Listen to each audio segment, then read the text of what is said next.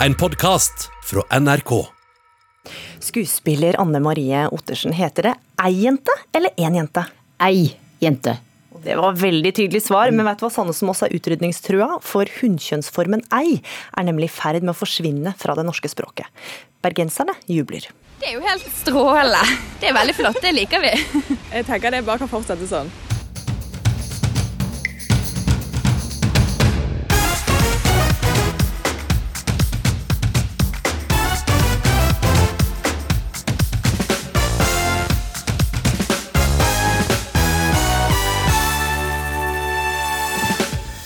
Har politiet blitt villeda med kidnappingssporet, så bør de kreve erstatning fra Tom Hagen. Det mener tidligere polititopp. Anne Katrine fikk kreft som 20-åring og mista sjansen til å få egne barn. Nå, ti år seinere, åpner politikerne opp for eggdonasjon.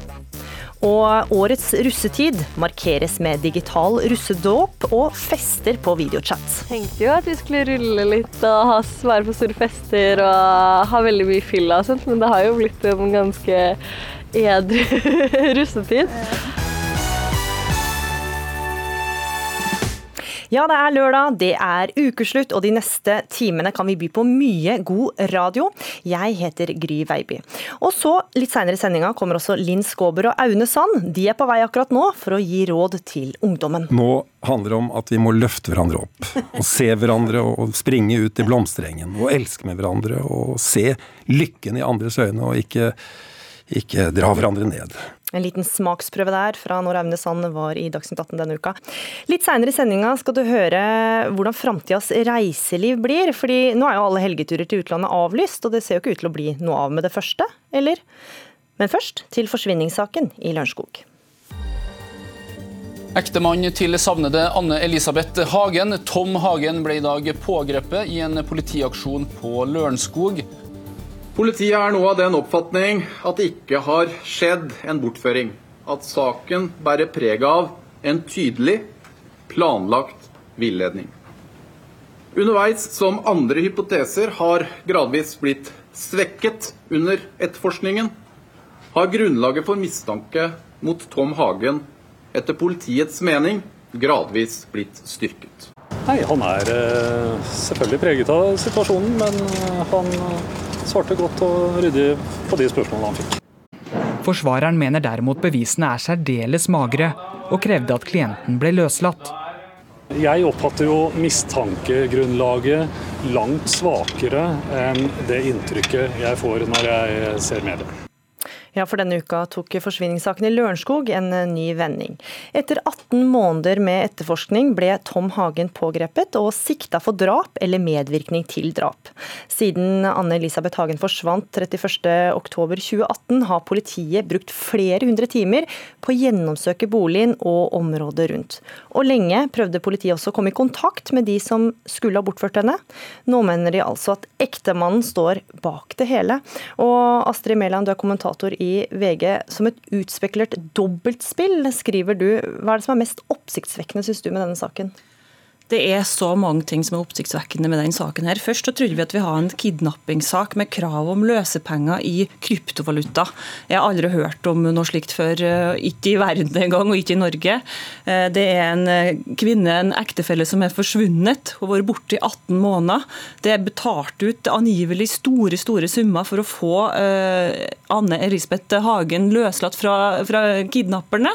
Og Vi har jo levd med denne saken her nå i så lang tid uten at noen har visst noen ting som helst. Det har vært et stort mysterium. Og Nå har altså politiet fått sikta ektemannen for drap. Først så trodde de at det var kidnapping. Politiet etterforska åpent dette og gikk for kidnapping i, i lang, lang tid. Og så har de snudd helt om, det gjorde de i fjor sommer, og tror nå at det er et drap. Mm. Ja, Hanne Kristin Rode, forfatter og tidligere leder for volds- og seksualforbrytelser i Oslo politidistrikt. Vi har sett deg på utallige pressekonferanser i drapssaker, bl.a. i Sigrid-saken. Og da, Hvis politiet har rett, da, og dette her er regissert, hvor vanskelig er det å holde på en sånn hemmelighet som dette er? Jeg vil jo tro at den eller de som står bak, er ganske profesjonelle. Det er en eh, langtidsplanlegging, vil jeg tro. Også ut fra det som du sier, at eh, det har pågått over 18 måneder. Det er en kryptovaluta som er ikke sporbar. Altså så kan noen ha blitt eh, betalt uten at vi finner det ut, eller politiet finner det ut. Eh, men Politiets erfaring eh, over lang tid er jo på ett eller annet tidspunkt så forsnakker man seg. Og så spørs det hvem som hører den forsnakkelsen, og om vedkommende tør å gjøre noe. Men det er nok de færreste som går rundt eh, på jorda som greier å holde en hemmelighet helt 100 tett. Men du kan jo selvfølgelig lekke til noen som ønsker å beskytte deg, og derved så kommer de ikke videre. Så hvordan pleier sånne forsnakkelser å foregå? Er det noe Det vet jeg ikke, for jeg har ikke vært til stede. Eh, Astrid Mæland, altså politiet holder eh, kortene tett i brystet, og verken Tom Hagen selv eller offentligheten får vite hvilke bevis eller indisier politiet sitter på. Hva vet dere, eller hva vet vi om bevis så langt? Ja, eh, da Tom Hagen, Dommeren sa at Tom Hagen skulle sitte i varetekt nå i fire uker med brev, brev og besøksforbud og til og med bli isolert, den er jo for så vidt anka. da. Så ble det lagt fram en hel rekke dokument i kjennelsen. SMS-er, tydeligvis e-poster, telefonsamtaler. Eh, ting som politiet har funnet på åstedet som er da klausulert for oss. Og det er til og med klausulert for Tom Hagen, så han får ikke vite hva slags eh, bevis eller indisier politiet sitter på mot han. Det vet kun hans forsvarer, Holden, som da må holde tett overfor eh, sin klient. Og jeg vet jo ikke noe mer, jeg heller. Men VG har jo skrevet en god del om det basert på kildearbeid. Det handler handla jo særlig om åstedet. som de først fant spor etter kidnapping, men så fant de òg spor etter det som ser ut som drap. De fant på en måte to forskjellige typer spor. Bl.a. et fotavtrykk avsatt av en Sprox-sko, som vi har lest masse om i media. Og sett på pressekonferanser. Absolutt. Mm. Som var kjøpt på Sparkjøp, fant politiet ut etter langvarig arbeid. Og den tyda kanskje, virka som den tyda mer på at det har vært en aktiv handling, en, en voldshandling inne på åstedet, mens disse stripsa, eh, konvolutten, brevpapiret som er kjøpt på Claes Olsson, som vi har fått visst om, det tyder mer på at det er plassert der, mener politiet nå at det er en villedning, at de har vært lurt, blitt faktisk lurt eh, delvis da, i, månedsvis, og, og, gått etter det her kidnappingssporet. Men det som er så uh, mystisk for politiet etter hvert, er jo at det er jo ingen kidnappere fått tak i, nærmest. Ingen som vil ha penger etter hvert. Vanskelig å snakke med dem, og det er jo litt rart. Og da forsvinner jo motivet. Det var jo en svært rik mann som har en kone som var eh, forsvunnet, og da var jo motivet å få ut masse penger fra han. Men nå er jo det bort. Og hva er da motivet? Og Da oppstår den drapshypotesen hos politiet, tenker jeg. Mm. Men jeg har også lyst til å legge til at jeg tror ikke at politiet har vært lurt. Eh, jeg tror at politiet har stått i tidenes dilemma eh, på innledningen, altså i begynnelsen av saken, hvor da saken blir presentert som en kidnappingssak. Og da vil de ha et dilemma mellom å gå ut og få tips fra publikum og ha en aktiv initialfase eh, på den ene siden, og på den andre siden spare Anne Elisabeth Hagens liv. Eh, og Da er det jo ingen tvil om hva som er det viktigste. og det er, Jeg tror ikke nødvendigvis dette her gikk i hop. Det var ikke mulig å gjøre begge deler 100 eh, fra dag én. Og, og Det er jo det som er vondt. Men jeg er overhodet ikke i tvil om at politiet på Romerike har tenkt bredt fra første stund. Mm. Men så har de også brukt enorme ressurser på denne saken. ikke sant? Altså hva slags konsekvenser syns du det bør få? Ja, jeg har jo tenkt da, fra mitt lønnkammer nå at eh, hvis det faktisk er sånn at noen har villedet eh, etterforskningen rent aktivt, gått inn for å veilede, eh, villede politiet, eh, uansett om det er det dagens siktede eller noen andre, så ville det vært interessant å tenke seg at staten kan gå til søksmål mot den eller de som har villedet og vanskeliggjort. For her er det en enormt dyr etterforskning, og det er litt støtende å tenke seg at staten skal bære alt dette her. Mm. Hvor realistisk vil det kunne være, Mæland? Ja, Det er så mange usikre faktorer her. Det er jo ingen enda som er dømt for det her eh, drapet, det må vi jo understreke. Så jeg vet ikke Eh, hva som står bak. Eh, så det vil jo tiden vise. Nå er det jo tydeligvis slik at politiet har masse etterforskning igjen. De snakka på pressekonferansen denne uka her om en indisiekjede. Virka ikke som de har noe smoking gun eh, mot gjerningsmannen. I hvert fall ingenting som de forteller oss. Og de har jo gått inn med krimteknikere i huset til Tom Hagen igjen, på hans arbeidsplass. Det er snakk om biler som har blitt oppspora.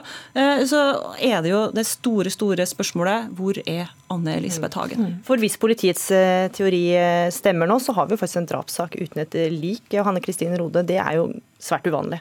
Det er høyst uvanlig. Jeg kjenner vel til bare to saker i Norge eh, hvor vi har fått domfellelse. Det ene var fra 1994, hvor en person ble eh, jeg tror det var knivstukket eh, på en lugar. og antageligvis vippet over rekka. Der fant politiet så vidt mye tekniske spor på lugaren at kompisen ble domfelt. Senere, i 2005, så ble en 35 år gammel kvinne tror hun ble knivstukket eller øksedrept eh, av eksmannen på 39. Eh, der var det et vitne som påsto å være øyevitne og mente å ha sett drapet, og vi fikk en domfellelse. Men ingen av disse to drepte er funnet. Og Her er vi i en situasjon at Anne Elisabeth Hagen, eh, hvis hun er drept, vi vet jo ikke det heller, det må jo bevises en drapshandling på en eller annen måte for å domfelle for drap, men det vi snakker lite om, er jo respekten for livet, at hun faktisk er frarøvet muligheten til å stå opp om morgenen, morgen, høre fuglekvitteret nå i mai, gå til frisøren, være med venninner, være med familie som hun er glad i. Eh, og noen har aktivt muligens tatt livet av henne. Vi vet ennå ikke hvem. Eh, men vi skal ikke glemme den respekten for livet. Det er ikke bare en, en, jakt på gjerningsmannen, men det er også det helt grunnleggende. Vi har rett til å ikke bli utsatt for kriminalitet. Mm. Men eh, helt avslutningsvis, Astrid Mæland. Dersom eh, politiets teori nå stemmer, hva, hva sier de om et mulig motiv? Ja, Det er jo eh, spekulasjoner i media basert på kilder blant annet, som snakker om problemer i ekteskapet. Så er det andre kilder som snakker om at de problemene eh, går langt tilbake i tid. Men eh, politiet mener altså at det er sannsynlighetsovervekt for at eh, Tom Hagen har drept sin kone. Og Dommeren i eh, kjennelsen denne uka her eh, eh, satt den i varetekt og sa at det var sannsynlighetsovervekt ut fra de bevisene som dommeren ble forelagt. Og Nå vet jo ikke vi hva slags bevis de sitter på, så framover vil det kanskje det utpeke seg. Mm. Og har jeg lyst til å oppfordre det norske folk til å aldri glemme uskyldspresumpsjonen. Politiet har utferdiget en siktelse. Vi vet ikke hva den er basert på. Men han er uskyldig inntil det motsatte av bevis, og jeg ønsker meg jo at kommentarfeltene også tar hensyn til det. Mm, og Vi har selvfølgelig vært i kontakt med Tom Hagens bistandsadvokat eh, Svein Holden, som eh, takket nei til å stille i ukeslutt. og eh, Tom Hagen selv nekter jo straffskyld, og barna selv, barna deres sier gjennom sin bistandsadvokat om at de er, de er overbevist om at faren er eh, uskyldig. Takk for at dere var med i Ukeslutt, Hanne Kristin Rode og Astrid Mæland. Ei eller én jente Ei bok eller en bok, hva sier du? Er du en av dem som legger et ei foran, så er du utrydningstrua. Jeg setter fryktelig pris på at dere samler opp spørsmåla til slutt i ei dåse, istedenfor at det renner over som ei stykke slimete, tuberkuløs møkkakjerring. Altså, det slår aldri feil. I hver eneste gruppe så er det alltid en som skal drive og lage kvalm. Her har vi en som har trykka ei til brystet sitt, nemlig Harald Eias karakter Oslo-losen, som eh, med kort lunte og lisseslips guider turister rundt i hovedstaden. Men hvor mange er det som egentlig snakker som han? Stadig færre, viser det seg. For vi nordmenn er i ferd med å skrote det grammatiske hunnkjønnsordet ei. Det kommer fram i en artikkel på forskning.no, basert på forskning som bl.a. Eh, du står bak, Guro Busterud. Du er førsteamanuensis i nordisk språk ved Universitetet i Oslo. Hva er det som er i ferd med å skje med språket vårt? Eh, det som er i ferd med å skje, det er jo at um, når det gjelder bruk av hunnkjønnsartikkelen, altså ei, eh, så ser det ut til at den er på vei ut. Eh, og vi, vi nordmenn vi liker gjerne å si at vi i norsk så har vi tre kjønn. Men altså med den endringa vi ser her, så ser det altså ut til at vi er at vi beveger oss i retning av å gå fra å ha et trekjønnssystem til å ha et tokjønnssystem, der vi har liksom intet kjønn på ene sida, og så det vi kaller felleskjønn, da, altså en sammensmelting av hunnkjønn og hannkjønn på den andre sida. Ja, for istedenfor å sette da et ei foran, så setter man bare en én foran. En én jente, én dør. Mm. Mm. Og dette her, som alt med språk, setter i gang sterke følelser hos uh, mange. Anne Marie Ottersen, vi hørte deg så vidt uh, helt i starten av sendinga. Du er opprinnelig fra Kongsberg og er skikkelig ei-dame. Veldig. Eh, vi, det, vi er jo eh, Oslo øst-dialekten, hvis man kan si det sånn. Den er jo min dialekt. Opprinnelige dialekt. Men så har jeg bodd litt i Oslo, da, vet du, og da også var det jo dette her eh, press jo, At man snakka så breit, liksom. Og er, der kom jo den ei jente og alt dette inn. Og mm, det jo, har jo alltid vært et sånt press med å nei, snakke, du må snakke litt penere. Noen hadde foreldre som sa det til oss på, på Kongsberg. Men jeg hadde ikke det presset. Men, men, men så har du jobba på Nationaltheatret i mange år, da, der man snakker meget pent? Der har jeg arbeidet på Nationaltheatret.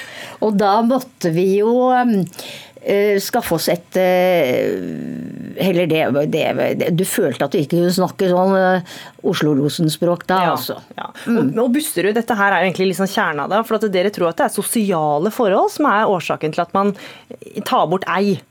Ja, vi tror helt klart eh, Vår hypotese det er at denne endringa med at én eh, tar over for ei, er noe som starta i Oslo. For i Oslo har det vært kjent lenge at man ikke bruker ei. Eller i hvert fall i liten grad. Um, og så tror vi at det er noe som har hoppa uh, fra Oslo, som er én by, til Trondheim, som er der vi har gjennomført studien vår. Og vi ser jo det samme i Tromsø. Så vi tror det her er et eh, fenomen, og vi tror at det er Oslo som på en måte språket i Oslo, eller standard eh, østnorsk, som vi gjerne kaller det, mm. som er driveren som ligger til grunn her. Da, fordi den eh, varianten av norsk er den som har høyest prestisje. Mm. Så det er klart det her med status og prestisje er viktig her. Og da, Otters, du som ja. da er på ja. TV og ja. står på scenen og er en ambassadør for dette mm. språket, hvor, hvor obs er du på dette på at hunnkjønnet skal bevares? Nei, Nå er jeg i hvert fall blitt obs på det. Nå skal, jeg, nå skal, jeg, virkelig sette mer pris på den opprinnelige dialekten min, altså. Fordi at uh, Det er noe med at den var liksom mer folkelig, da. Mm. På en sånn men jeg har spilt en rolle i Radioteatret som het Skallet. Eh, som var eh, om en sår ung jente av Sverre Udnes. Han både satt opp og, og, og skrev det. Og, det. og der brukte jeg Kongsberg-dialekten min. Eh, Uten at det var sånn, fordi jeg har jo vært med i Hallo i uken og alle de der, og da, da var jo Nå skal det bare komme her og være og så, Ikke sant? Og da var man liksom arbeiderarbeiderne. Litt sånn rølpete? Rølpete folk. Sånn Oslo-losen, som mm. Harald gjør. Uh, mens det, det samme språket det, det, brukte jeg vart, da.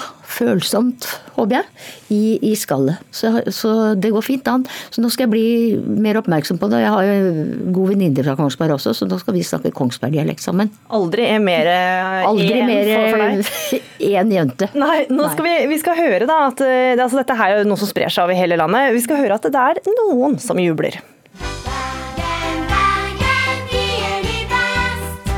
A-endingene. Det passer ikke, det. det. for meg er ei og A nynorsk. Nei, én det, det holder plenty, det. Det er jo det det heter. Her, nå, nå, skinner sola.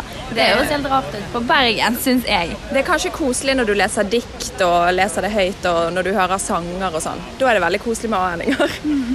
Men ikke når vi skal snakke med vennene våre. jeg skal i hvert fall ikke snakke østlandsk.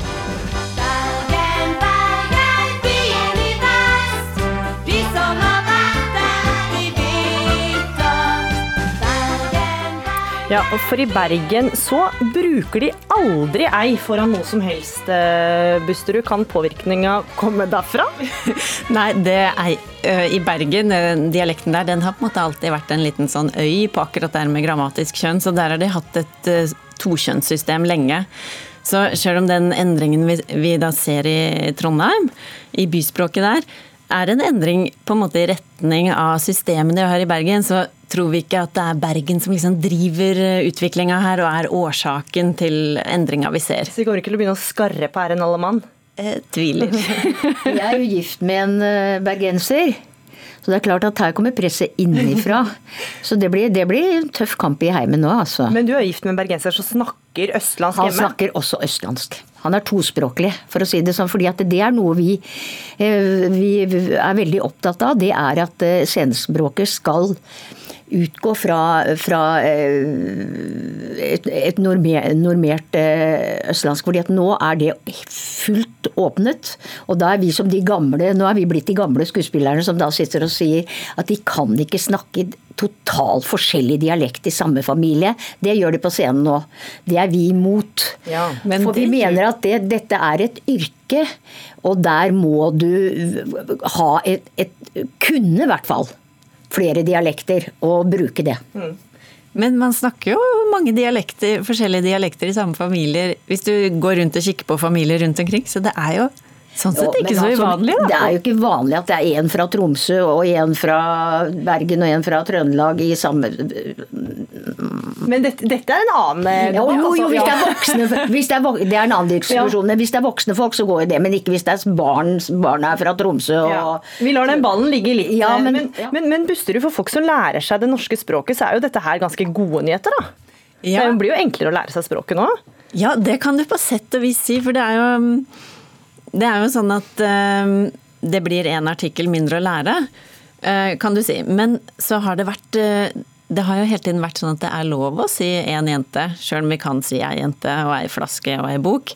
Eh, Så jeg vet at veldig mange i norskopplæringa så har de, har de lært bort rett og slett et slags tokjønnssystem, da. Der man Du trenger bare å lære deg én og ett. Ottersen, det dette, funker. dette må jo det må blir jo, glemme. Ja, det skjærer meg i hjertet. Dette skjærer meg i hjertet. Nei da. Men det blir jo litt fattigere, da. Og det er det, det er jo, det er jo Vi syns ikke vi skal ta bort ting i språket. Jeg syns heller vi skal utvide. Det er jo ikke, ikke Så derfor så skal vi kjempe litt grann for det, syns jeg. Skal vi rett og slett konkludere med at vi slår et slag for Oslo-losen? Ja. Kan jeg få si noe om det der med at det blir liksom at man mister noe? For på sett og vis så kan vi jo si at vi mister noe når vi går fra å bruke tre artikler, altså én, ei og ett, til å bare bruke én og ett. Så der mister vi noe. Men vi ser likevel at det blir et mer komplisert system når vi ser på bøyingssystemet. Fordi, ja. fordi det vi vil se nå, er at vi får en gruppe med hannkjønnsord der vi har de gamle hannkjønnsorda. Og alle de, da sier vi ikke sant, én gutt, gutten. Én bil, bilen.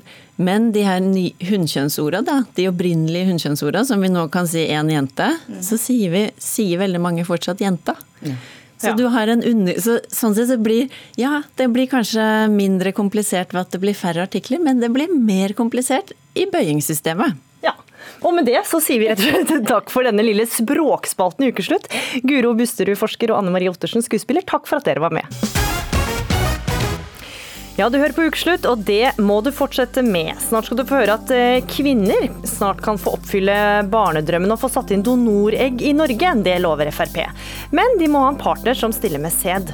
For en eggerøre, kritiserer finsk eggdonor. Og han fikk bråk for hvordan han tolka Salomos høysang. Du er høy som palmen. Og brystene dine er som drueklaser. Jeg sier jeg skal opp i den pallen. Den evig unge kunstneren Aune Sand er på vei til ukeslutt for å gi råd til ungdommen, sammen med Linn Skåber. Snart skal du få høre at programleder i podkasten Aftenpodden, Lars Glomnes, har fått sansen for eh, surdeig. Nå møter han sine egne fordommer i døra. Jeg tenkte vel kanskje på surdeigsbakere som eh, litt sånn krampaktig interessert i sin egen aktivitet. Og hvordan det gikk skal du føre litt seinere i sendinga. Nå til en helt annen sak. For norske par som sliter med å få barn, får i dag hjelp dersom mannen er steril eller har dårlig sædkvalitet. Hvis det er kvinnen som mangler egg, må de dra til utlandet. Men nå er det håp. For Fremskrittspartiet, Arbeiderpartiet og Sosialistisk Venstreparti ble for kort tid eh, siden enige om å endre loven, slik at kvinner både kan gi egg og få egg i Norge. Men nå får de tre partiene kritikk for at de ikke går langt nok, for eh, fortsatt vil mange kvinner måtte dra utenlands. Det skriver du i en kronikk i VG, samfunnsdebattant eh, Sanna Saroma. Og du kaller forliket for eggerøre. Hva mener du med det? Jo, altså det er delvis gode nyheter, men nyhetene kunne vært mye bedre. Altså jeg må jo si at jeg personlig jublet da Frp gikk ut av regjeringen. og noe av, noe av det første Åshild Brun-Gundersen sa at nå skal hun foreslå eggdonasjon, at nå skal det gå gjennom. Eh, Men så, eh, så kom jo denne realiteten, altså denne halvgode kompromissløsningen med alle disse merkelige begrensningene som jeg reagerer på. Altså at eh, det blir jo ikke en ordentlig eggdonasjon, fordi man har bl.a. denne begrensningen at at man skal stille opp med 50 ge- av genmaterialet selv. Og Det betyr jo da at hvis vi f.eks. har et par som sliter, altså som er så uheldige at de sliter både med sæd og med egg, altså at har dårlige egg og del- dårlig sæd, så kommer ikke de til å kunne få hjelp i Norge. Fordi de kan ikke stille opp med halvparten av genmaterialet selv. Eller enslige kvinner, som for så vidt nå første gang eh, innbefattes av infertilitetsbehandlingen. Men hvis eh, den enslige kvinnen er blitt for gammel, f.eks., altså nærmer seg 40 eller har passert 40, og ikke har gode egg, eller har kanskje hatt en sykdom, kreft i eggstokken eller har kommet i tidlig menopaus. Hun kommer ikke til å få hjelp i Norge, fordi hun har ikke, siden hun ikke har mann, så har hun ikke halvparten av genmaterialet selv. Og så er det også denne begrensningen med at, at søstre ikke kan donere bort uh, egg til sin søster, som jeg syns er veldig paternalistisk, at politikerne skal bestemme hvordan søstre eh, ordner seg eh, imellom. Ja. Vi, vi, kan jo spørre deg, politisk talskvinne i Fremskrittspartiet, Åshild Brun Gundersen. Det er jo visse begrensninger som følger med. Hvordan kom dere på disse begrensningene til hvem som skulle få?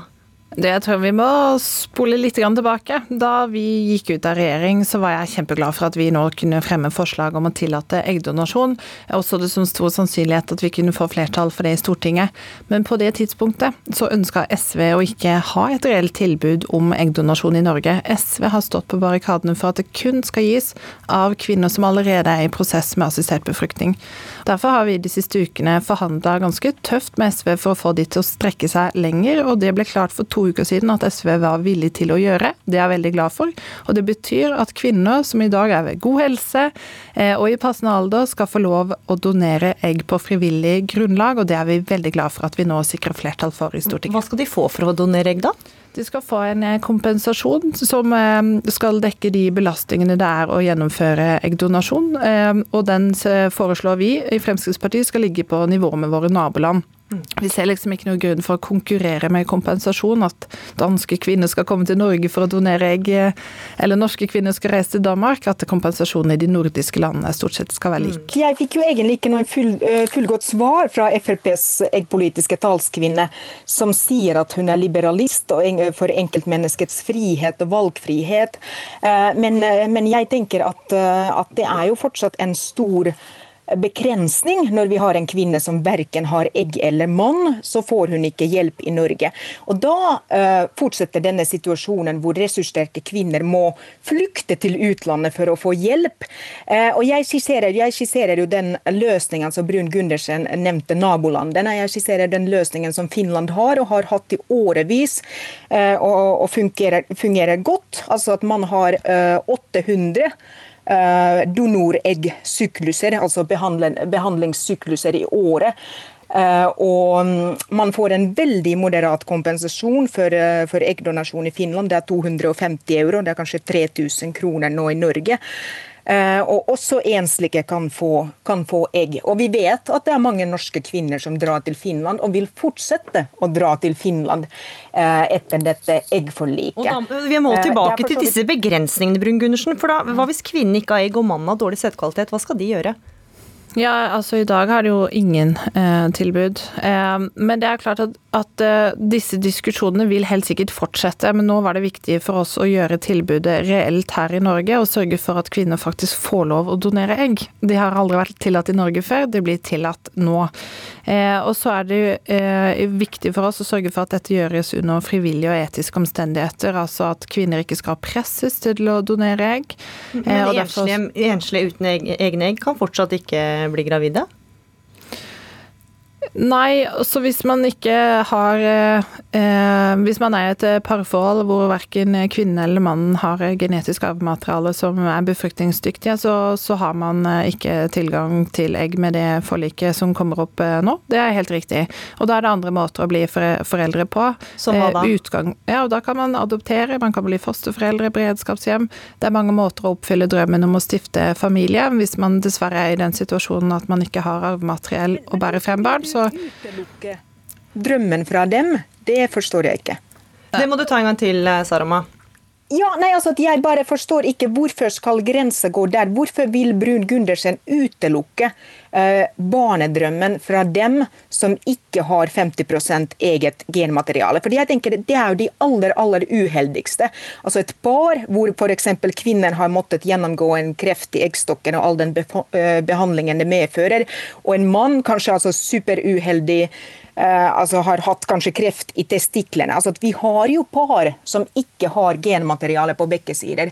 Og den vil da Brun Gundersen sende til en veldig langvarig adopsjonsprosess, fordi de plutselig er utelukket fra behandling i Norge. Det føles veldig urettferdig og veldig tilfeldig at grensen for 50% genmateriale skal gå. Ikke minst tatt i betraktning at adoptivforeldre de har jo 0 eget genmateriale. Eh, og likevel, de er fullt ut foreldre, og barna deres er fullt ut deres barn. Ja, altså Jeg er enig i den betraktninga at man kan absolutt være gode foreldre selv om man ikke deler genmateriellet til sine egne barn. Og jeg tror at de problemstillingene du reiser, løser vi på, på noen bedre måter. F.eks. hvis man blir ramma av kreft eller alvorlig sykdom som kan gi vareskade på egne egg, så vil vi at det skal tillates at disse eggene hentes ut i forkant av den medisinske behandlinga, sånn at man kan hente de frem igjen seinere i livet når man har blitt frisk og ønsker å stifte familie med egne barn. Men hvorfor er det så viktig med 50% genmateriale? Ja, altså fordi Prinsippet rundt det, det, vi legger til grunn i bioteknologiloven, er å, å gi nødvendig helsehjelp til familier som er ufrivillig barnløse og ønsker å oppleve drømmen om å få egne barn. Eh, og Det er altså en kraftig liberalisering i seg selv. Eh, eggdonasjon har aldri vært tillatt i Norge, nå blir det det. Og jeg tror det viktigste i hvert fall nå er å ta tak i de problemstillingene som oppleves reelt, nemlig at par som i dag er ufrivillig barnløse, de får hjelp hvis det er mannen som er infertil, men ikke hvis det er kvinnen. Og den likestillingsproblematikken, den løser vi opp i nå. Mm. Så man åpner jo faktisk litt opp her, da. Ja, og for så vidt dette er, eh, vi er på riktig vei, men vi er ikke i mål. fordi fortsatt med denne lovgivningen eh, altså Det er jo helsetilstander som kanskje man ikke oppdager før man begynner å prøve å lage barn. F.eks. at kvinnen har faktisk kommet til tidlig menopaus og kvaliteten er dårlig. Så, så, det er litt et annet tilfelle enn en kreft. altså At man kanskje ikke har skjønt å hente ut egg og, og fryse dem ned tidligere. Mm. Eh, og Da vil vi fortsatt være i den situasjonen at ressurssterke enslige kvinner som har dårlig dårlige egg, eller par der begge sliter, vil ta det første flyet til Riga eller til Helsinki og ordne seg, ordne seg i utlandet. Fordi vi fremdeles har en lovgivning som ikke hjelper alle. Mm. Og dette, Jeg vil bare minne, minne på at infertilitet defineres som en sykdom, og vi behandler jo alle andre sykdommer på norske sykehus. Så da er det litt merkelig at det er da infertilitet som vi ikke vil behandle i Norge. Sanna Saroma og Åshild Brun Gundersen, dere blir sittende. Vi skal snart høre fra en kvinne som fikk kreft som 20-åring og mista med det muligheten til å få barn med egne egg. For da måtte hun plutselig ta stilling til det om hun i det hele tatt skulle få barn. Det var veldig tøft. for Først så hadde vi vært kjærester bare i fem måneder. Og jeg ble operert, jeg ble undersøkt en torsdag og operert en mandag. Så til oss så var det ikke noe mulighet til å hente ut noe egg, som det er snakka om tidligere her. Eh, så det er ikke bestandig det går. Eh, og vi ble eh, Vi fikk beskjed om det at nå måtte vi ta et valg. Enten så må vi få barn nå og prøve det, eller så går det ikke. Da fikk vi ut 2012 på oss med prøverør. Og der fikk jeg ut ett egg på tre forsøk. Og jeg ble gravid, men jeg mista. Mm. Og du har, også, du har også vært åpen om dette her, altså at du eh, mangler egg, og også fått tilbud om egg tidligere. Altså er flere som har kommet bort til deg og vil hjelpe deg. Hvem er de? Det er vanlige fremmede personer på gata som har lest om meg og sett det og sendt meldinger fra nært og fjernt. Og Hvordan var det å få disse tilbudene når du visste at du ikke fikk lov til å ta imot uh, dette her uh, i Norge? Det er ganske sårt, men samtidig er det veldig godt å få den bekreftelsen på at det her er noe norske folk venter på. Å få muligheten til å kunne hjelpe andre folk som sitter i en sånn situasjon. Mm. Men så er det jo sikkert også mange som vil si til deg eh, at det er jo ikke noe menneskerett å få barn. Hva, hva sier du da? Nei, og det skjønner jeg, men eh, mitt største ønske siden jeg var 15, tror jeg, det er å gå gravid og kjenne spark og ha morgenkvalmen og bekkenløsning og alt som følger med en graviditet. Og det har jo ikke blitt noe mindre etter tre runder med prøverør og hadde det så nært på kroppen i ti år. Mm. Og det å adoptere, det vil ikke møte de behovene? Nei, det gjør det ikke. Mm. Dere skulle jo til Danmark dere, til sommeren, men så kom koronaen. Og så kom jo også dette her, da, at eh, det er flertall for eggdonasjon i Norge. Hvordan reagerte du da?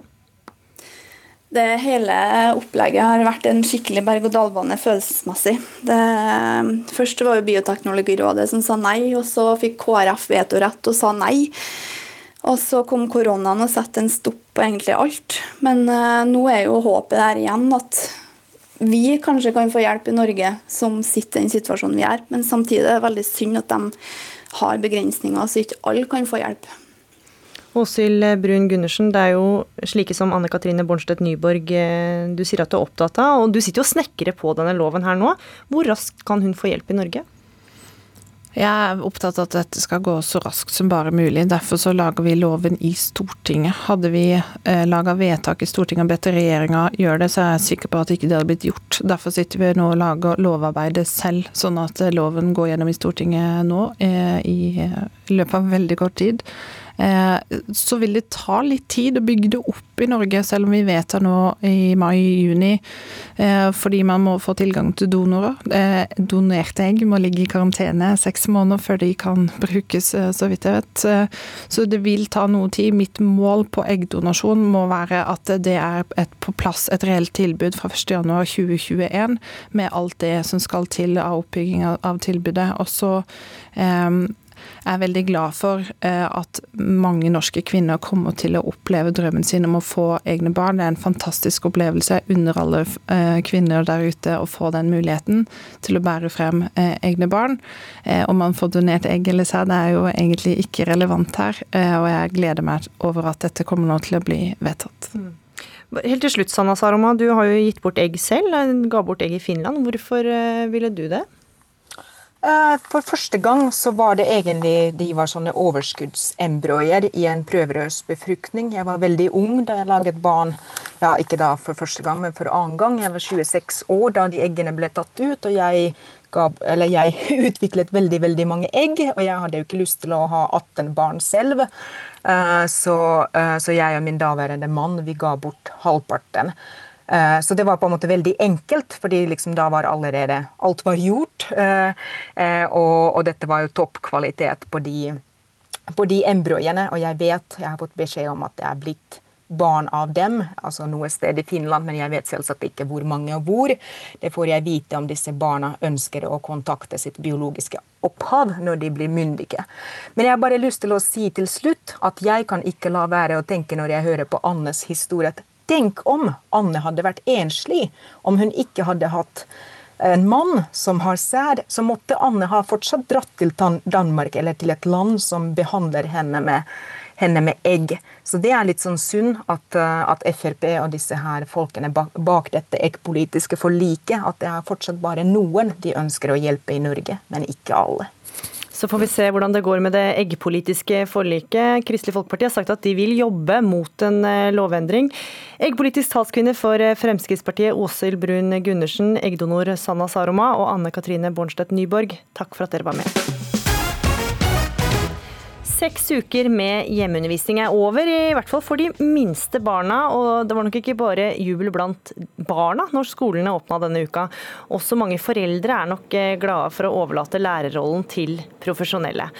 Og samfunnet er sakte, men sikkert i ferd med å åpnes eh, litt opp. Eh, og Foreløpig er smittetallene under kontroll. Reporter Munever Gildis, du er ute i Oslos gater. Betyr alt dette her at folk nå begynner å slappe mer av? Det er, eh, rett, det er, det inntrykket jeg får av å stå her eh, midt i Grønneløkka i Oslo. Et av de mest trendy stedene i hovedstaden med mange parker. Og jeg står eh, på parken i, her på Birkelunden. Det, sola varmer veldig godt. Det er bare 13 grader, men varmt og godt. Jeg har til og med sett folk som soler seg i bikini. Så det betyr kanskje at folk slapper litt mer av og begynner å ta hverdagen tilbake. Jeg står her sammen med en gjeng som har tatt seg turen til parken her i, på Birkelund. De har nettopp spist eh, sitt eh, måltid fra McDonald's og venter på et tog. Sunniva, hvordan er det å være ute nå? Akkurat nå så er det veldig deilig. Sola skinner og vi har nettopp fått i oss mat, så stemningen er på topp. ja. Mathias, du bor her på Grünerløkka til daglig. Du, Ser du en endring? Har folk begynt å ta hverdagen tilbake? Jeg ser at folk, det er flere folk ute, men eh, folk er også veldig flinke til å ta forhåndsreglene da, og holde avstand noe som er viktig. Mm. Eh, eh, har du inntrykk av at folk gjør det? Ja, de fleste gjør det. Mm. Hva er det du har savnet nå i den perioden hvor Norge har vært stengt? Eh, Nei, det er jo det sosiale og møte på andre. Eh, Man blir jo eh, Mange som kan kjenne seg igjen at man blir ganske gæren av å holde seg inne hele dagen. Darin, en- til uken så åpner Oslo ølkranene og eh, uteserveringene skal eh, komme i gang. Som 20-åring, hva tenker du om det? Nei, jeg kommer vel ikke inn hos det uansett, så det er ikke så stor forskjell for meg. Men det er jo, det er jo veldig fint å se at ting åpner igjen, og at eh, man kan liksom senke skuldrene litt grann, i hvert fall. Og at hverdagen kommer tilbake, da, sakte, men sikkert. Ja, Hverdagen begynner å komme sakte, men sikkert tilbake til, eh, til eh, hovedstaden. Det er det disse unge menneskene sier her fra Grünerløkka. Og Munever Gildis, det er godt å høre at de fortsatt holder avstand, for det er fortsatt mange restriksjoner som gjelder. Veldig viktig å understreke det. Senere i sendinga så skal vi også snakke om at mange har fått seg en ny hobby i løpet av denne tida her. Eh, Hva sier de du er sammen med om det? Jeg skal spørre dem. Sunniva, har du fått deg en ny hobby i den perioden her, eller? Eh, nei, men jeg har vurdert å ta opp eh, litt diverse, som å lære å sette på eh, falske vipper, blant annet. Sunniva er sykepleier til, til vanlig, så hun har vært på jobb hele tida. Mathias, du jobber på Kaffebrenneriet. Har du en ny hobby, eller? Eh, Nei, ikke jeg heller egentlig. Men jeg har vært eh, veldig mye på jobb siden det er mange flere permitterte. Så vi andre som er på jobb må steppe opp gamet. Kjapt til deg, Darin. Har du? Eh, ja, altså jeg har hatt friår, så jeg har egentlig hatt eh, mange nye hobbyer i løpet av hele året. Så ja, nei, det har vært deilig å, å finne noe nytt å drive med. Og da er det klart for en liten nyhetsoppdatering. Eh, Anders Borgen Werring, mange har lurt på hvor Nord-Koreas enhersker har vært de siste dagene, men nå har han dukka opp igjen. Ja, Lederen i eh, Nord-Korea, Kim Jong-un, han eh, viste seg offentlig for første gang på tre uker. I alle fall hvis vi skal tro det statlige nordkoreanske nyhetsbyrået som har offentliggjort bilder av Kim som eh, inspiserer en gjødselfabrikk eh, i landet. Diktatorens fravær i offentligheten førte til spekulasjoner om han var eh, veldig syk eller, eller død. Og det er ikke så rart, for da faren og farfaren eh, døde for noen år siden, så gikk det flere dager før det ble offentlig kjent. Men Kim eh, er altså tilsynelatende i live, og det har vært eh, spekulert i om han bare har holdt seg skjult den siste tiden i frykt for å bli smittet av koronaviruset. Mm, Ja, og situasjonen rundt koronasmitten preger jo selvsagt nyhetene i dag også. Og nå får de strenge tiltakene også konsekvenser for rettsvesenet. De siste 50 dagene så har køen av straffesaker i norske tingretter økt med over 1200. Domstoladministrasjonen mener dette er alvorlig både for de tiltalte og fornærmede i straffesaker, og har foreslått eh, mange endringer for å hindre at køen skal vokse enda mer. Men ikke alle endringene blir like godt mottatt. Nei, for et av de mest eh, omstridte tiltakene det er å gå ned på antall meddommere. Og Det er Advokatforeningen svært kritisk til. Det minner om at ordningen med meddommere er et gammelt og viktig rettsprinsipp. Tar vi bort meddommerne, så er det bare eliten som sitter igjen og avgjør straffer, sier Marius Dittriksson, som er leder av forsvarergruppen i Advokatforeningen. Takk for denne nyhetsoppdateringa, Anders Borgen Werring. Det er mange som har blitt takka for innsatsen i denne tiden. Og jeg mener at det nå er på høy tid å takke ungdommene våre, for de har ofra mye. En kjærkommen takk til russen, mener mange. Helseminister Bent Høie har fått mye skryt for talen han holdt denne uka. For det er ikke alltid de har fått like mye sympati for at feiringa blir helt annerledes enn det de hadde sett for seg. Men russetida kan ikke spilles om igjen, og det er det flere som kjenner på nå. Eh, Jeg har ikke på meg russedress. Eh, Jeg er litt sent ute. Jeg følte ikke det der presset siden det var, det var mye snakk om om det kom til å bli ordentlig russefeiring eller ikke. På et pledd i Frognerparken i Oslo sitter tre russ fra Elvebakken videregående skole. Drikker litt hjemme og setter oss i parker og koser oss og sånt. Så ja.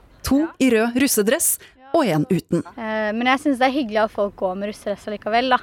Så ja, jeg får fikse det snarest. Nei, russetiden ligger ikke an til å bli helt som de hadde sett det for seg før koronakrisen. Tenkte jo at vi skulle rulle litt og ha, være på store fester og ha veldig mye fylla og sånt, men det har jo blitt en ganske edru russetid. Og russetida kan ikke spilles i repeat. Helseministerens takk til ungdommen har de fått med seg. Jeg, mamma sendte den til meg også. Jeg fikk, jeg fikk den tilsendt på mange, fra mange ulike mennesker. Det var veldig fin tale. Du drømmer om russetiden der du skal feire og feste i den aller feiteste russebussen og med den aller fineste russedressen. Men så kom viruset og knuste alle disse drømmene. Altså, det, er jo, det er jo For mange så tenker man bare at russetiden er jo bare liksom festing og drikking, og vi bare som holder på med masse og finner på masse tull, liksom. Men det er jo også en veldig hyggelig avslutning på 13 år med skolegang. Så det er jo noe som alle andre har fått gjøre. Og nå er det vi som sitter her og ikke får gjøre det. Og Ja, det fellesskapet. Det ofrer vi jo. Jeg hadde sett for meg utrolige minner. Fyll fanteri. Gøy med gutta, gøy med kjæresten min. Bare løpe rundt, rulle. Også russepresident for Oslo- og Viken-russen, Johan Schwenkerif, fikk høyest takk til ungdommen tilsendt av sin mor. Og sier det som ble sagt, rørte mange. For han snakket mye om de minnene vi ungdommer ikke får skapt pga. dette koronaviruset. er noe vi aldri kommer til å få kunne ta opp igjen. Jeg, og I går så sto jeg på balkongen og så bare hørte liksom, jeg hørte korps. Og det var sånn, Jeg begynte å dirigere, og, og jeg tenkte sånn Det her er lyden av håp. På en benk mellom en skole og en fotballbane møter jeg Tale Maria Krohn Engvik, kjent som Helsesista. Hun er glad for at unge folk nå blir løfta frem. Og at de kjente at det var litt godt. Eh, og så tenker jeg kanskje det aller viktigste med den talen var kanskje at kanskje voksne, foreldre og voksne generelt, begynte å tenke ja, ungdommene, ja. ja. Hvordan har de det egentlig? Og kanskje vi skal tenke litt ekstra på dem, prøve å forstå dem litt bedre. Og det, det, så det syns jeg var veldig fint. Jeg vil gjerne si til ungdommene våre at vi ikke har glemt dem. Målet vårt er at de òg skal komme tilbake igjen til skolen før sommeren. Uh, uvissheten det skaper veldig mye stress i dem, og det gjør at veldig mange blir sånn De er liksom så slitne nå at de Det var så en mor som skrev til meg sånn uh, Altså, dattera mi hun savna skolen og vennene og lærerne i begynnelsen, men nå så savner hun ingen, og hun vil ingenting. At de blir litt sånn De bare nesten at de gir litt opp. For da Helsesista spurte ungdom om hva de syns om høyest takketale, og hva de trenger å høre nå, fikk hun mange svar. Og ønsket om en konkret dato for når de kan komme tilbake til skolen, var sterkt. Eh, Det vil hjelpe veldig mange, tror jeg. Da kan man begynne å jobbe mot det, enten at man gleder seg eller at man Oi, shit, det her gruer jeg meg til. Hvordan skal jeg klare å løse det? Helsesiste blir også kontakta av russ som lurer på hvordan tiden fremover blir, og tenker også at noen konkrete råd til russen, en slags veileder for russetiden, er en god idé. Dette her er bare til dere, det kan dere ta eierskap til. Og så er det kanskje litt lettere for russeforeldre, og istedenfor å drive og henvise til sånn ting inn på sidene til Folkehelseinstituttet som sier sånn Ja, dere har jo disse russeretningslinjene deres, så følg dem. Dere kan være sammen eh, fem stykker ute, hold, hold litt avstand, ikke drikke av samme flaske. Jeg håper òg at dere får en fet og fin russefeiring, selv om den blir annerledes. Har du fått delt ut noe russekort i år? Eh, det er mange som spør, men pga. Sånn sikkerhetsårsaker så har vi valgt å ofte si at man ikke har, eller at man ikke kan gi bort. Bare for å være sikker. Begynn på noe bedre, er blå til jeg. Med russebusser på vent i garasjen skulle likevel natt til 1. mai markeres. Og russepresidenten Johan Schwenkerif var med på et slags digitalt landstreff i regi av artisten Tix. Så nå møtes vi på FaceTime, fylla. Så jeg håper all russ der ute koser seg noe skikkelig, sånn som vi gjorde her i studio. Andre steder var det digital russedåp. Så må jeg jo tømme ølet på den og døpe den i alkoholets navn. skulle jeg si. Små grupper som satt i rundkjøring. Vi kan kanskje bare møtes fem og fem, men det er jo koselig å møtes fem stykker, da. Så vi får gjøre det beste ut av det, rett og slett. Når det fra 7. mai blir mulig med arrangementer på offentlig sted på inntil 50 personer med ansvarlig arrangør, åpner det seg også muligheter for russen, sier helseminister Høie. Men de må da ha et eh, offentlig sted og en arrangør og lagt til rette for dette. De kan ikke møtes eh, 50 stykker i en, i en buss eh, og kjøre rundt. Det er ikke lov. I hovedstadsområdet planlegger russen å utsette deler av russetiden til i sommer. Ja, rett og slett. Jeg sparer litt russefeiring. Og håper å kunne hente fram russebussene fra 16.6. Men fortsatt er det mye som er uavklart. Og spesielt tusen takk til russen 2020. Dere kommer til å bli huska. Tusen takk. Blir jo husket som en jeg ville sagt en kreativ eh, russegjeng, vi må jo finne andre løsninger da, på hvordan vi skal hvordan vi skal gjøre det her, og hvordan vi skal fortsatt ha et samhold og kose oss da. Vi er det triste kullet med ingen russetid, ja. bare. Og reporter her var Line Forsmo.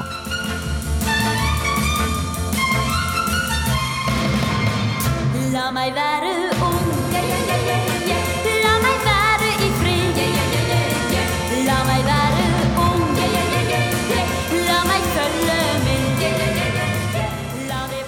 Russen som du nettopp hørte, drømmer om å rulle i juni. For selv om det går mot vår i landet vårt og sevja stiger og knopper skyter, må ungdom altså tøyle lengslene og vente på ubestemt tid. Og vi er så kjent bare unge én gang i livet. Linn Skåber, skuespiller og forfatter av bøker både om ungdom og erotikk. Vi har nettopp hørt at de unge sitter på behørig avstand, de følger reglene. Hvordan eh, ville tenåringen Linn eh, fungert med dagens regler? Ja, jeg, jeg, jeg må si i hvert fall at jeg beundrer den ungdommen som gjør det. Og jeg sitter her i en park og titter på ungdom. Og de sitter langt fra hverandre, og de koser seg. Og ungdommen er omtrent de eneste i denne parken som ikke drikker noe foreløpig. Ja. Men det virker jo sånn når man hører om ungdommen, at de er jo Ja. så lojale og de eh, tar imot beskjed fra myndighetene. Vi hørte også at de ikke f.eks. vil gi ut russekort. Hvorfor er det sånn, tror du? Altså, det tror jeg jeg kan svare på, for jeg snakka med så innmari mye ungdom i forbindelse med boka mi. Og mange av dem er jo russ nå, da. Og eh, det er en det er, en, det er en gjeng som tar ansvar for samfunnet rundt seg, i større grad enn det vi gjorde, opplever jeg. De lever liksom midt i tida si og, og er oppmerksom på ting som skjer rundt seg og andre mennesker. Eh, det er, det er, jeg kaller dem, de er en øm og, og omsorgsfull og våken generasjon, dette her. Mm. Aune Og jeg, jeg, må bare si at, ja, jeg må bare si at jeg også ble utrolig rørt av Bent Høytalen. Og jeg, alt det han sier, tror jeg den ungdommen skal ha med seg resten av livet. Og det tror jeg det har, eh, gjør. Det hørtes jo sånn ut. Aune Sand, mm. denne uka så gjorde du deg bemerka med høytlesning fra Salomos høysang for eh, Bibelselskapet. Du er også forfatter av to bøker kalt Jordbærmus 1 og Jordbærmus 2, som ble lansert med både rumpeklasking og champagne for fire år siden. Hvordan hadde den lanseringsfesten vært i dag? Jeg vil først eh, bare si til ungdommen at dere har et fantastisk liv foran dere, og dere må bare nyte hver dag. Jeg har lyst til å lese et dikt. Du skal rett og slett lese et dikt. Kan du bare svare hvordan, hvordan du ville ha uh, takla denne her uh, tida som det, skal, det, tenåring? skal, det skal du få etter diktet. Ja, det er først et dikt, altså. Hvor langt er det da? Uh, jeg må eh, sensurere et par eh, ord her, for det er eh, litt ramsalt. Og det går som følger. Jeg savner deg. Jeg elsker deg. Jeg vil springe i løvet sammen med deg. Jeg vil sove sammen med deg på en strand innerst i en fjordarm. Jeg vil i løvet. Når høststormen hvisker i det fjerne. At livet er vidunderlig. Jeg vil bade med deg i en elv av tårene mine. Fra netter du sov i fremmedhallen. Du danser over brosten mot kirken. Spreng hjertet mitt. Hver bit er din for alltid. Drømmene mine om deg er en reise inn over vidunderlige blomsterenger. Det som er så fantastisk når man er ung, da har man hver eneste dag, hvert sekund. Man har så mye tid som man kan nyte og se fremover, og vi lever i et land som har nedfelt tre vidunderlige uh, søyler i Grunnloven. Og det er lovene som er like for alle. Og- det er demokratiet. Nå er, nå er de, ja, du skal få slippe å tale de. Nå har du akkurat lest dette diktet. Hva syns du om det, Linn Skåber? Er det noe ungdommen kan ta med seg? Jeg tror i hvert fall de i hvert fall skal ta med seg at uh, spiller de kortene sine riktig i livet, så har de russetida helt ut sånn som Aune og jeg. Det er, eh, liv, li, livet, er, livet er fullt av vår, i hvert fall, og det kommer det alltid til å være. Hadde jeg vært russ 2020, så er det første jeg hadde gjort, er å skaffe meg en tatovering hvert fall et eller annet sted om at jeg var russ 2020. Da vil du få sympati og forståelse av alle rundt deg resten av livet. Vis det fram hver gang du gjør noe ulovlig. Men enn så lenge da, så må de jo tøyle, tøyle seg, for de kan jo ikke ha nærkontakt. Og hva er ditt Nei. råd til ungdom som lengter etter litt romantikk? Linn Skåber? Ja, nei, jeg, jeg vil si det at eh, det jeg husker fra russetida, hvis jeg skal fortelle ungdommen en hemmelighet, er ikke de store festene. Det er nettopp møtene, disse fine, spesielle møtene med kanskje ett eller to mennesker, som jeg er venner med den dag i dag. Og eh, det, hvis, du ta, hvis du tar med deg det, så er det nok fester i løpet av livet hvor du kommer til å ha det gøy. Mm. Du skaffer deg kanskje venner på en annen måte da, når du må ha færre å forholde deg til. Mm. Hva sier du til det, Aunesson? Jeg er ikke enig med helseminister Bent Høie om at disse minnene får dere aldri igjen. Hvert eneste Mm. sekund er muligheter til å nyte, og man, man vet aldri hva som skjer i livet. Så skal man ta lærdom av noe.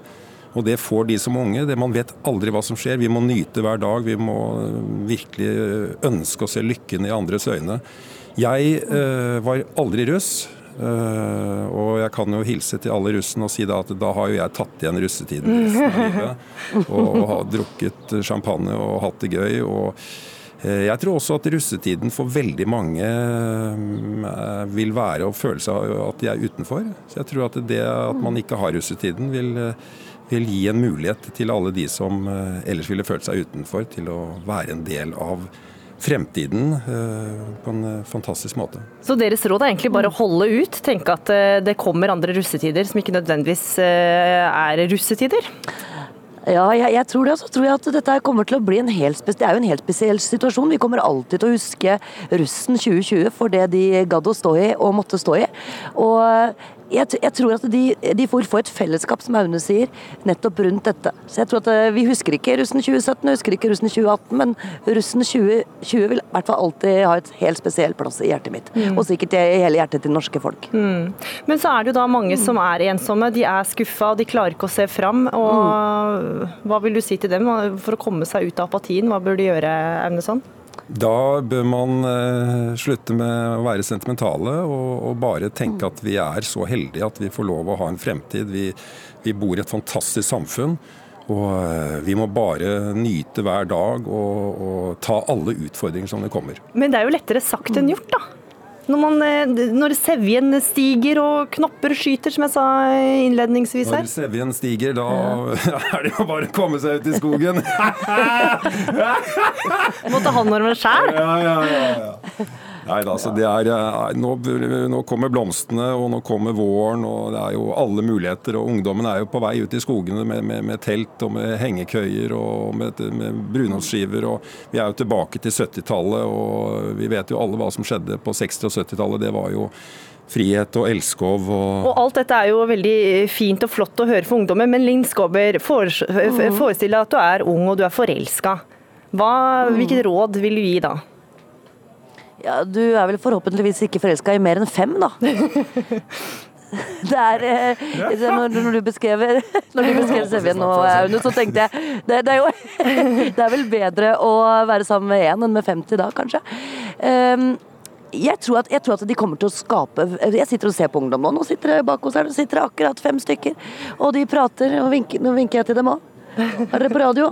Er dere, snakker om ungdom på radio. Ja, og de ser så ordentlige ut og er så skikkelige og ser lykkelige ut. Dere er lykkelige? Ja, de er lykkelige i våren. For du står rett og slett i en park du nå, Linn Skåber, og ser på Ja, de håpefulle. Mm. Ja, jeg gjør det. Men hvordan skal vi, vi kan oppsummere dette her med at det bare er å holde ut. Det kommer bedre tider, og ikke være forelska Ja. i mer enn fem, så løser det seg. Ja, og så er det dette som Aune så fint sier. Eh, Tenk på at eh, det, en dag består av veldig mange minutter, og hvis du finner litt glede i hver av dem, så er hele livet fylt av det videre. Så stå på, og vi står sammen med dere. Og gleder oss til å se dere fem og fem i parkene. Takk, takk for det, Linn Skåber og Aune Sand. Takk for at dere var med i Ukeslutt og ga kanskje litt håp til eh, russen og ungdommen. Ja, du hører altså på Ukeslutt, og heng med videre. Koronaen gjør at vi må feriere hjemme i Norge i år, men hva når pandemien er over? Flyentusiast og bonusjeger Tore Dyrseth klør etter neste helgetur til Hongkong. Og surdeigen er populær igjen, men hvilket navn skal eh, deigen ha? Rugnhild. Breddy Mercury. Trygve. Brunhild. Bent Høie. Mel Gibson. Gjermund. Jan Deigen.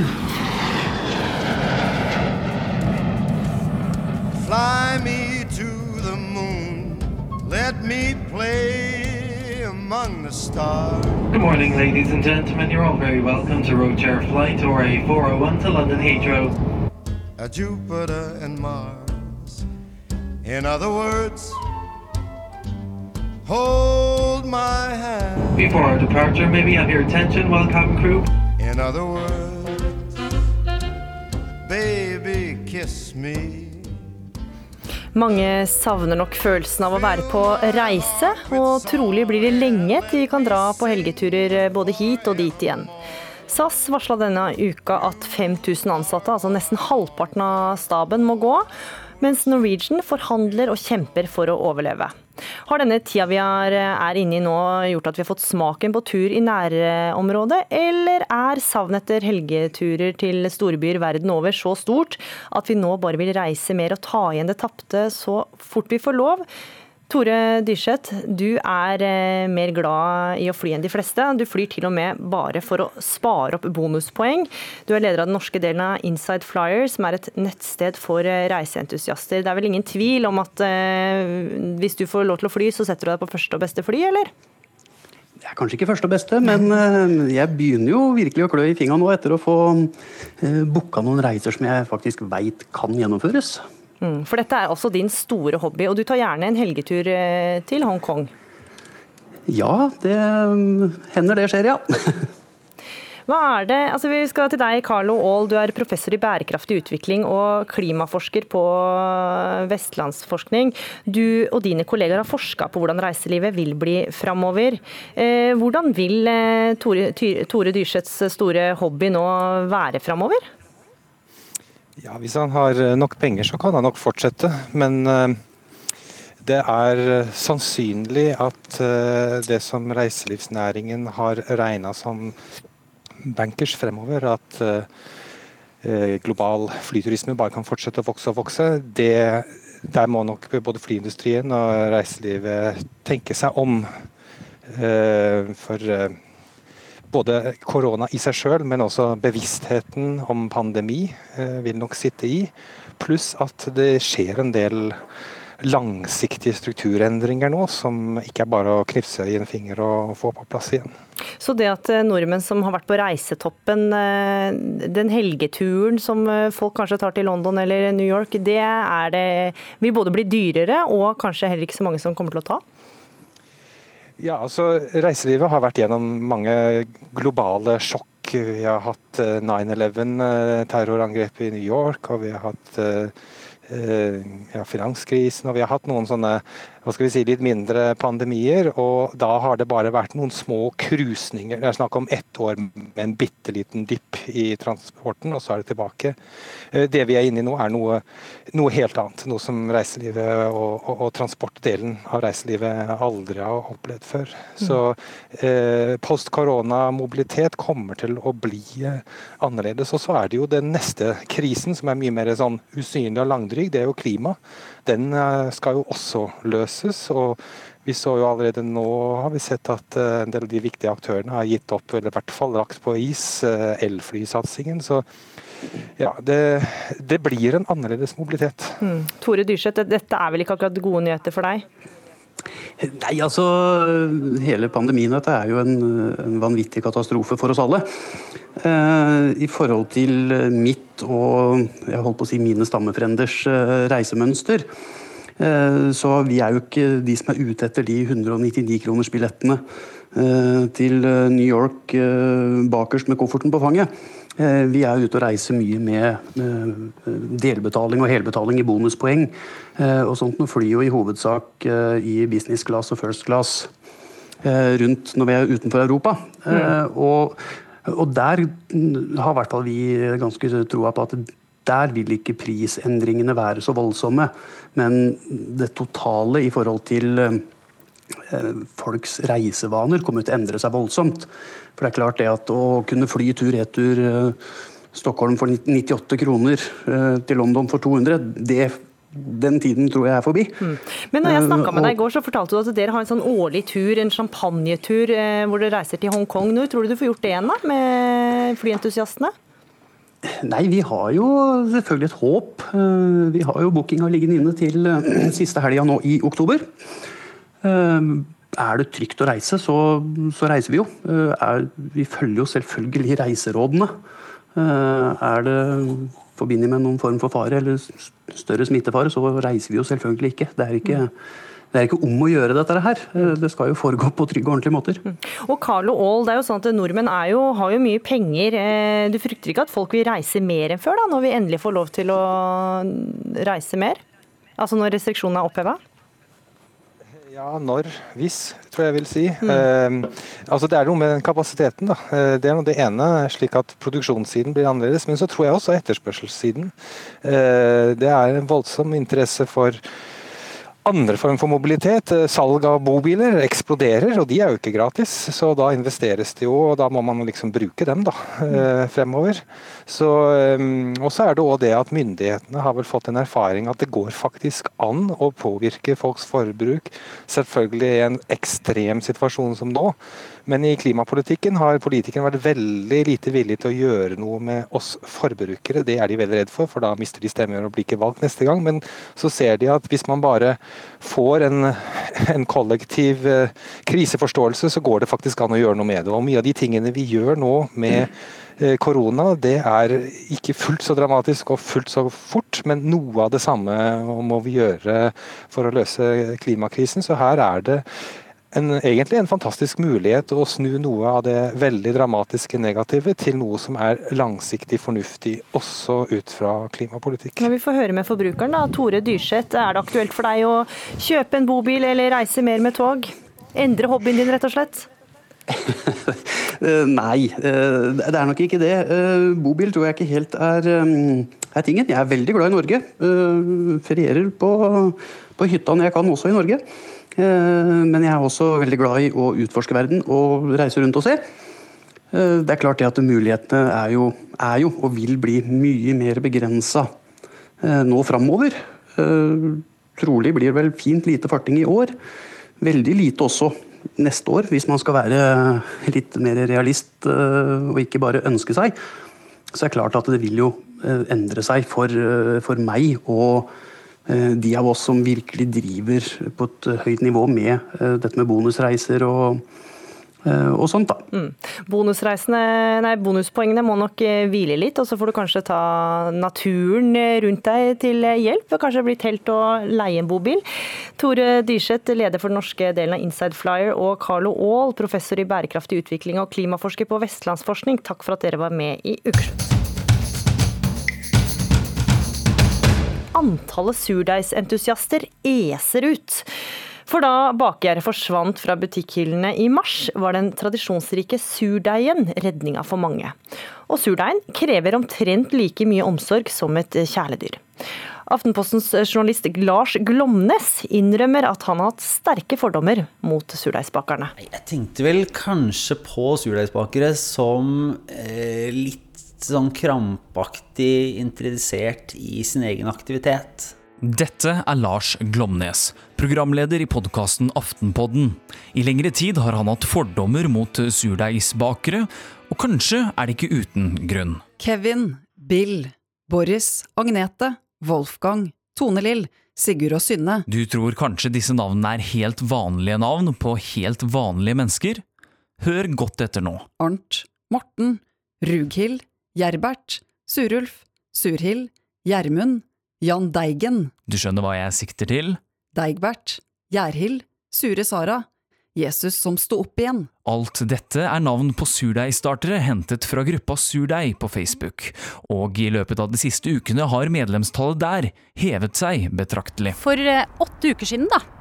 Da var det ganske mange som visste hva surdeig var. Nå, etter åtte uker hjemme på Instagram og Facebook, så er det alle vet hva surdeig er. Dette er Ida Albertsen. Hun er profesjonell surdeigsentusiast og selger startpakker, kurs og driver Norges eneste surdeigsfestival. Hun kan surdeig. Surdeig, det er mel og vann som har blitt blanda, og som har fått lov til å stå og fermentere. Det høres kanskje enkelt ut, men nei. Selve surdeigstarteren, den som får ting til å heve seg, skal mates, ses til, passes på, elskes, eller må den egentlig det?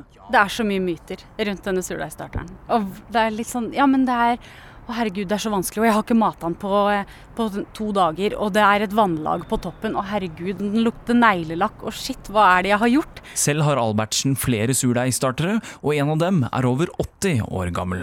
Begynner med den eldste. Det er en fra Normandie, da. Fra 1938. Man lukker opp lokket og lukter på den, da. Kjenner du den lukta der?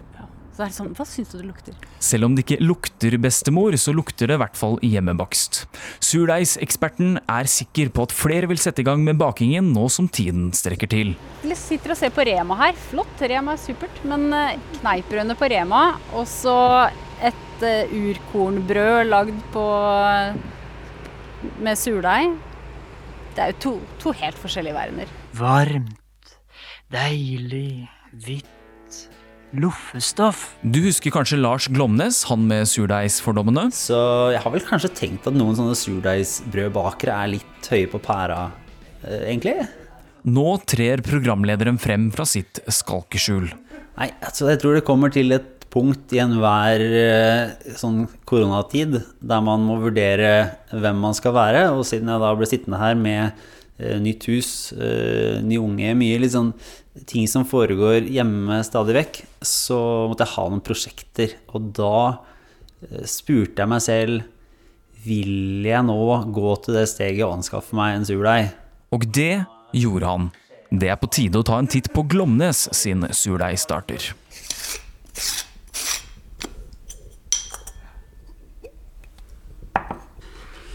Det er jo en beige eh, liten gugge, da, som eh, forhåpentligvis lever.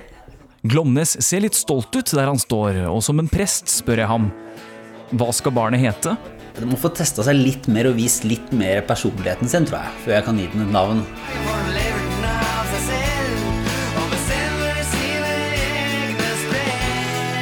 Jeg vet ikke, det måtte, vært, det måtte kanskje vært noe slags eh, koronarelatert, da. Om det er en liten eh, covid eller en liten Nakstad. Det er på tide å skru på lokket igjen, for starteren skal ikke få høre at Glomnes her ikke har så rent mel i posen som en kanskje skulle tro. Det, det har hendt at jeg bruker tørrgjær eller annen gjær, så jeg vil ikke si at jeg er noen eh, fullstendig fundamentalist ennå. Men det er jo ofte sånn med konvertitter at de blir litt ekstra ivrige. Så jeg skal ikke utelukke det heller. Og reporter her var Philip Johannesborg. Og med det er ukeslutt eh, slutt for i dag. Ansvarlig for sendinga, det var Kari Li. Det tekniske ansvaret det hadde Hanne Lunås, og her i studio Gry Veiby. Husk at du kan høre på Ukeslutt akkurat når du vil og hvor du vil, enten som podkast i NRKs nettspiller, eller så finner du oss også på nrk.no.